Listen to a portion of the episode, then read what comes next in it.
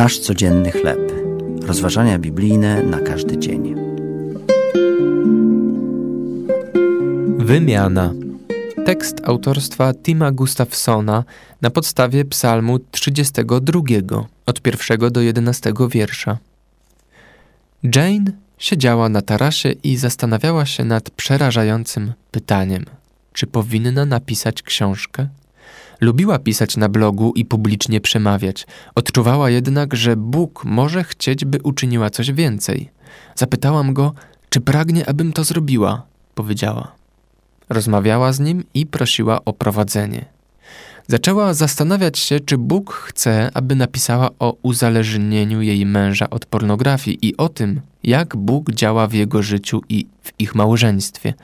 Potem jednak pomyślała sobie, że może go to publicznie ośmieszyć. Modliła się więc. A jeśli napiszemy ją razem?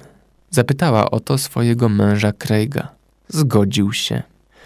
Król Dawid, choć nie mówił o grzechu, jaki popełnił, wypowiedział się publicznie o swoich zmaganiach. Nawet wyraził to w pieśni. Gdy milczałem, schły kości moje, napisał.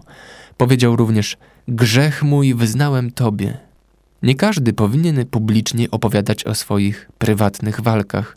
Gdy jednak Dawid wyznał swój grzech, znalazł pokój i uzdrowienie, które zainspirowało go do uwielbienia Boga.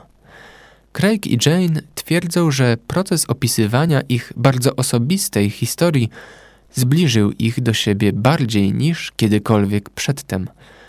Bóg kocha się w zamienianiu naszego poczucia winy, wstydu i izolacji na jego przebaczenie, odwagę i poczucie wspólnoty.